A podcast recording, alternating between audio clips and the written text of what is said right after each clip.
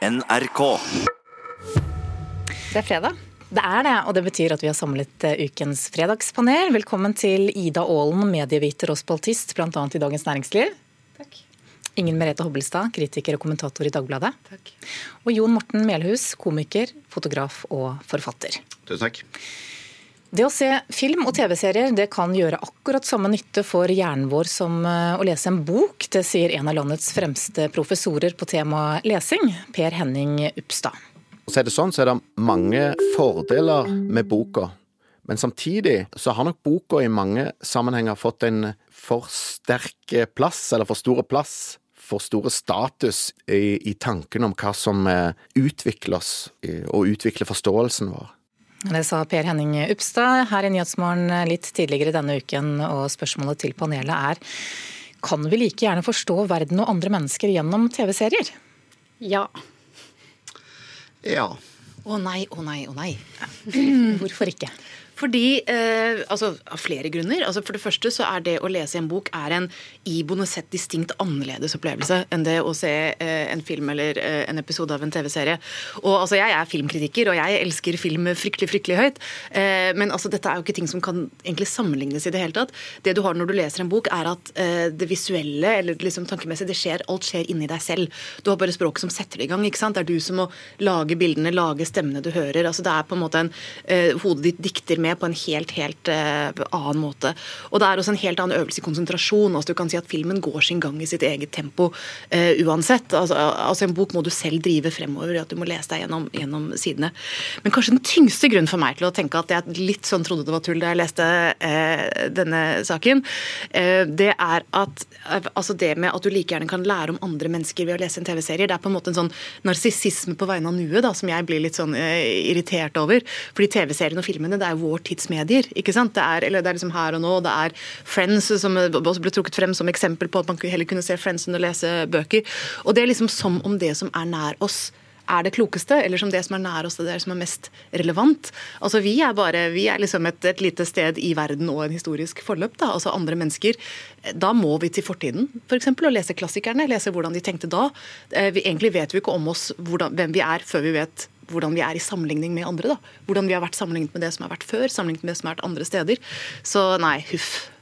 Ja, men jeg tenker, akkurat som sier at Ting er umulig å sammenligne, så blir det jo eh, helt absurd å tenke hele kategorien bøker versus hele kategorien film, f.eks. Det spiller jo en veldig stor rolle hva det er man ser eller leser. Hvis du vil se liksom, den tre timer lange tyske filmen 'Tony Erundmann' om et komplisert far-datter-forhold, så tror jeg du skjønner veldig mye mer på en måte om relasjoner enn hvis du f.eks. leser den siste norske krimmen. Da. Så Det er det som ofte er med bøker, så tenker du liksom automatisk på et sånn høyverdig stor litteratur, og så er liksom TV-serier er noe lettvint, men innenfor der igjen så finnes det jo ting som er så Det kommer liksom på ja, det kommer an på hva man ser og hva man leser. Det finnes jo mye dumme, platte bøker som man ikke lærer så veldig mye av, selv om man lager stemmene opp i hodet. Hvis det er dumme, uinteressante, flate karakterer, så har man kanskje ikke så lært så mye likevel, da. Ja, så er det noe med at seriene, det interessante der, at de går i dybden. Eh, vi er jo vant til å si at eh, filmen var ikke så bra som boken. Og selvsagt er det jo ikke det, for en, en film var, var halvannen til to timer. Da har du plukket en lite bruddstykke av, av, av, boken. En film kan jo gå i årevis. Nei, en, unnskyld, en TV-serie. Og når man ser på serier som uh, The Wire, ser på Americans, ikke sant? fantastiske uh, personligheter, konflikter på ulike plan. Og det er jo det vi mye leser i boken, er for å forstå vår syke, våre konflikter, våre utfordringer, våre dilemmaer. Jeg syns det er mange eh, interessante serier. Så er problemet at de unge leser lite bøker. Det er 12, 12 av norske befolkning som ikke leser bøker. Det er en halv million mennesker det, som ikke leser bøker. Det er kjempefint at de kan få dette. Jeg satt eh, De siste tre ukene så har jeg pløyd meg gjennom Mr. Robot sammen med min sønn på 14 år. Han leser ikke noe særlig bøker, men Mr. Robot det er avanserte greier. Altså. Det, er, det, er, en person med altså, alvorlig schizofrene tendenser som går i virkelig kompliserte ting, som vi sitter og diskuterer. Og jeg tror han har fått like mye ut av det som om han hadde lest en bok om et tilsvarende tema. Altså, jeg syns ikke det er noe argument mot dette at det finnes fantastiske TV-serier. Altså, det vet vi alle at det finnes, og vi er inne i en gullalder for TV-serier nå. Så det er ikke snakk om vi skal dytte ut TV-seriene og aldri se en TV-serie mer fordi vi skal sitte og lese Dickens, uh, på en måte.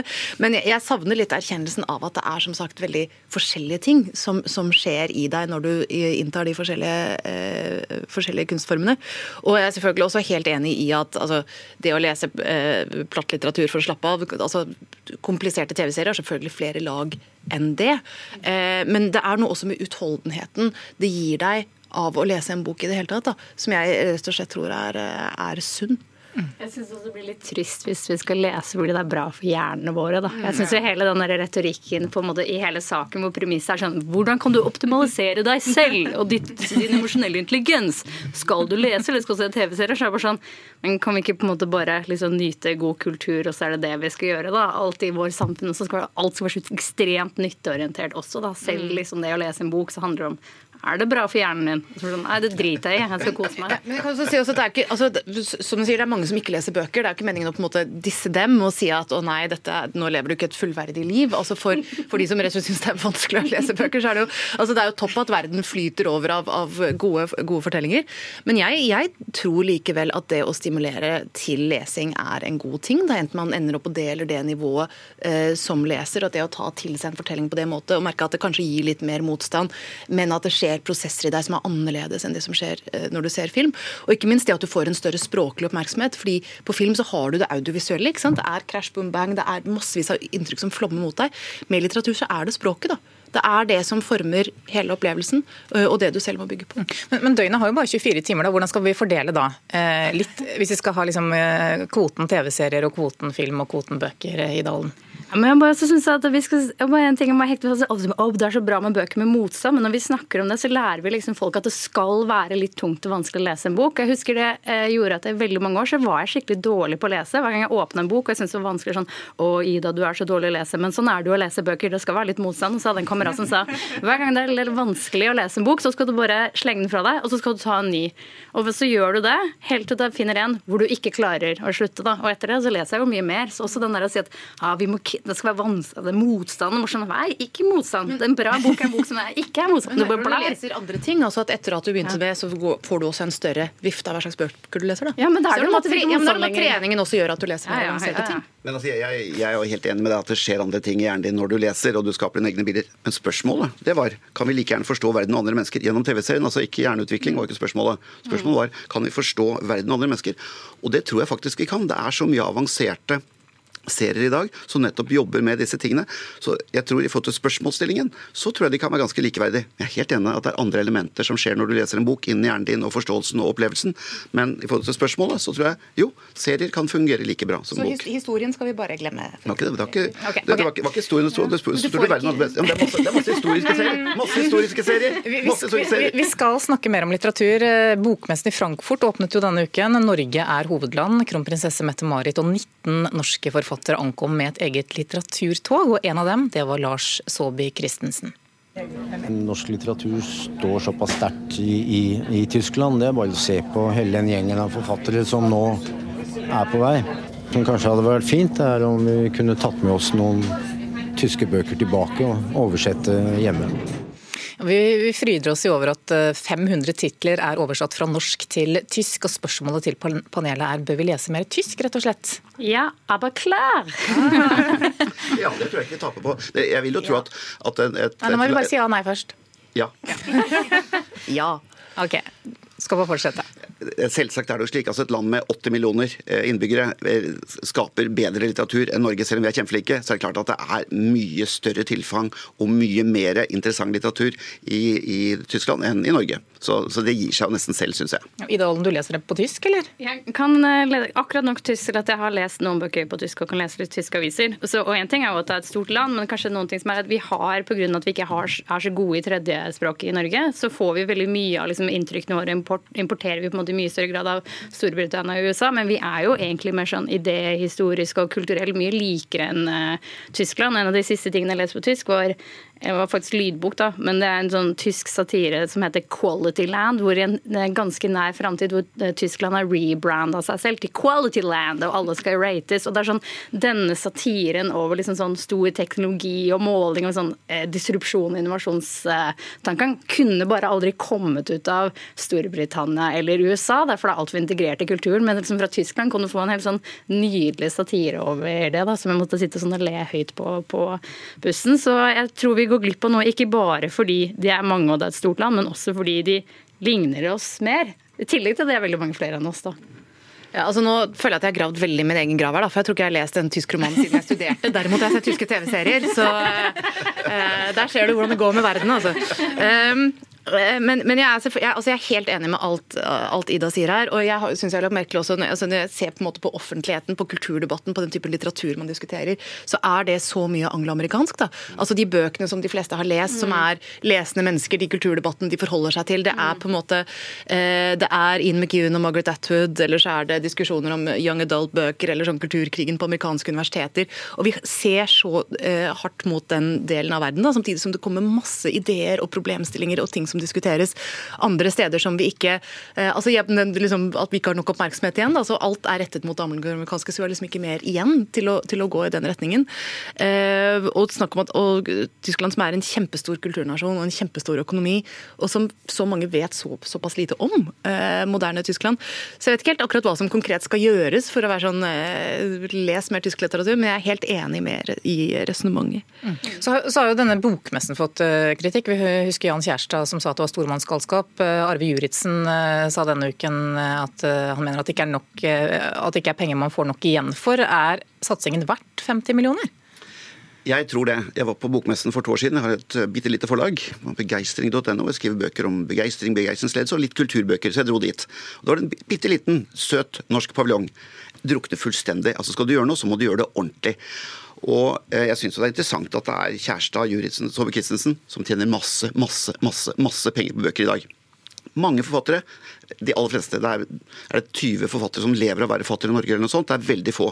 Det er klart at Å øke dette markedet ved å sørge for å få flere potensielle eh, avtaler ute med å kunne eksportere norske bøker, vil hjelpe mange forfattere.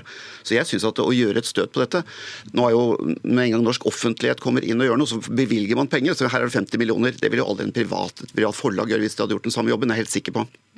Så man kan diskutere størrelsesorden, men man må gjøre det skikkelig. Og at dette kommer til å bidra til at vi kommer til å få ganske mange nye bøker oversatt til tysk og andre språk, det er jeg ganske sikker på.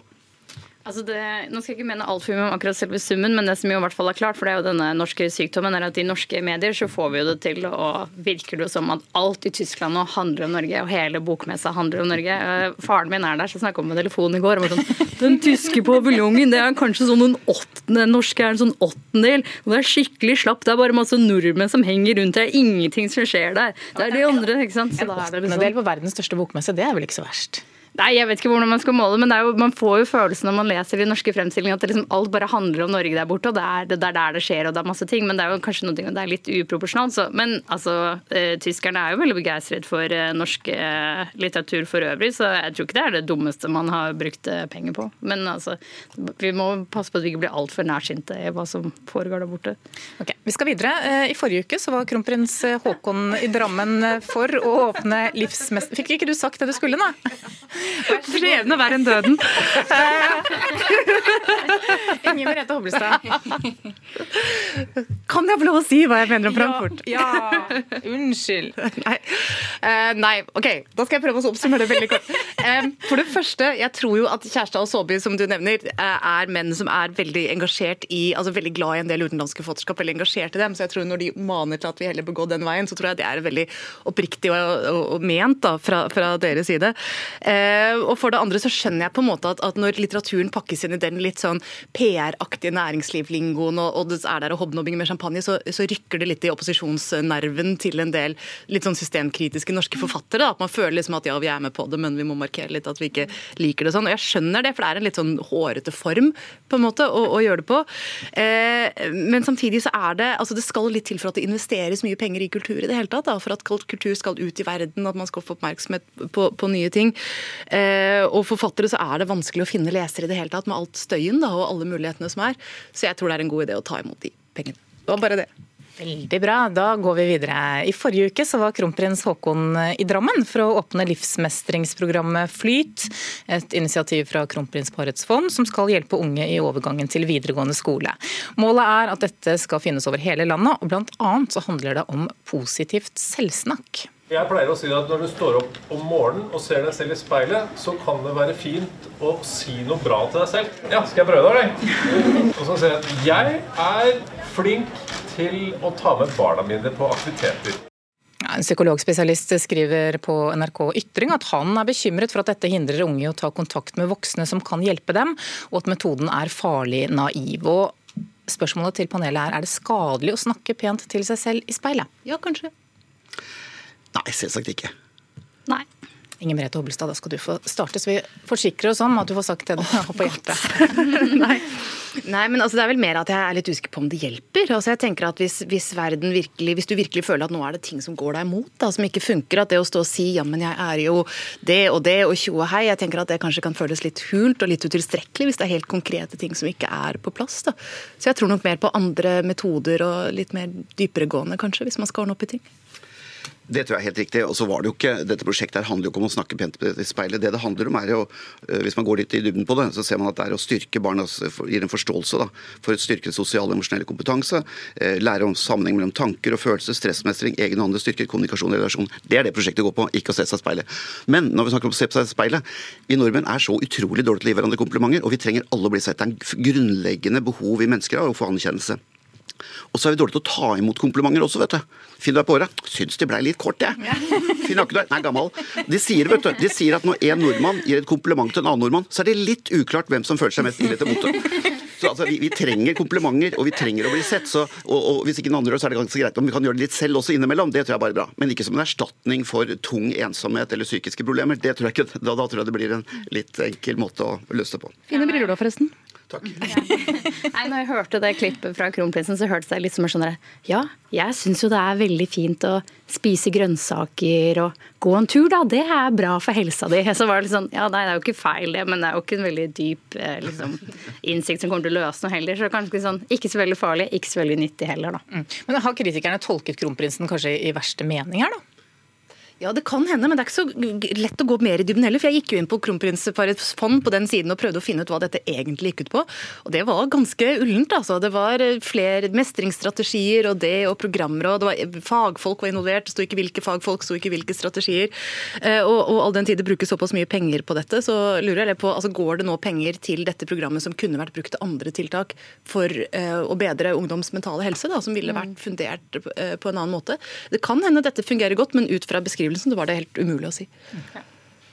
Jeg syns det var ganske godt beskrevet, ja, hva, de, hva, de, gjorde for noe. Så jeg, jeg, jeg synes dette var, så, så, Hvis de gjør det de sier her, og som kulturministeren var ute og snakket om, så, så syns jeg dette er et bra initiativ. Så er ikke det en erstatning for at foreldrene ikke skal stille opp. så Det er det aller, aller, aller viktigste, at foreldrene hjelper til med dette her. Men når du er 13-14-15-16 år, så er det, det er en vanskelig alder. Du driver og leter etter identiteten din. Du vet ikke hva som er flaut og dumt å snakke om. Det er ikke alltid du vil snakke med foreldrene dine. Så at man har noen sånne ting i tillegg, er kjempefint. Og uansett, få fokus på det. Få fokus på det. Det er viktig. slik at vi kan snakke om det her også. Okay, ja. Da kan vi ta den debatten neste gang. Takk skal du ha. Eh, fredagspanelet er over. Takk til Ida Aalen, medieviter og spaltist, bl.a. i Dagens Næringsliv. Inger Merete Hobbelstad, kritiker og kommentator i Dagbladet, og Jon Morten Melhus, komiker, fotograf og forfatter.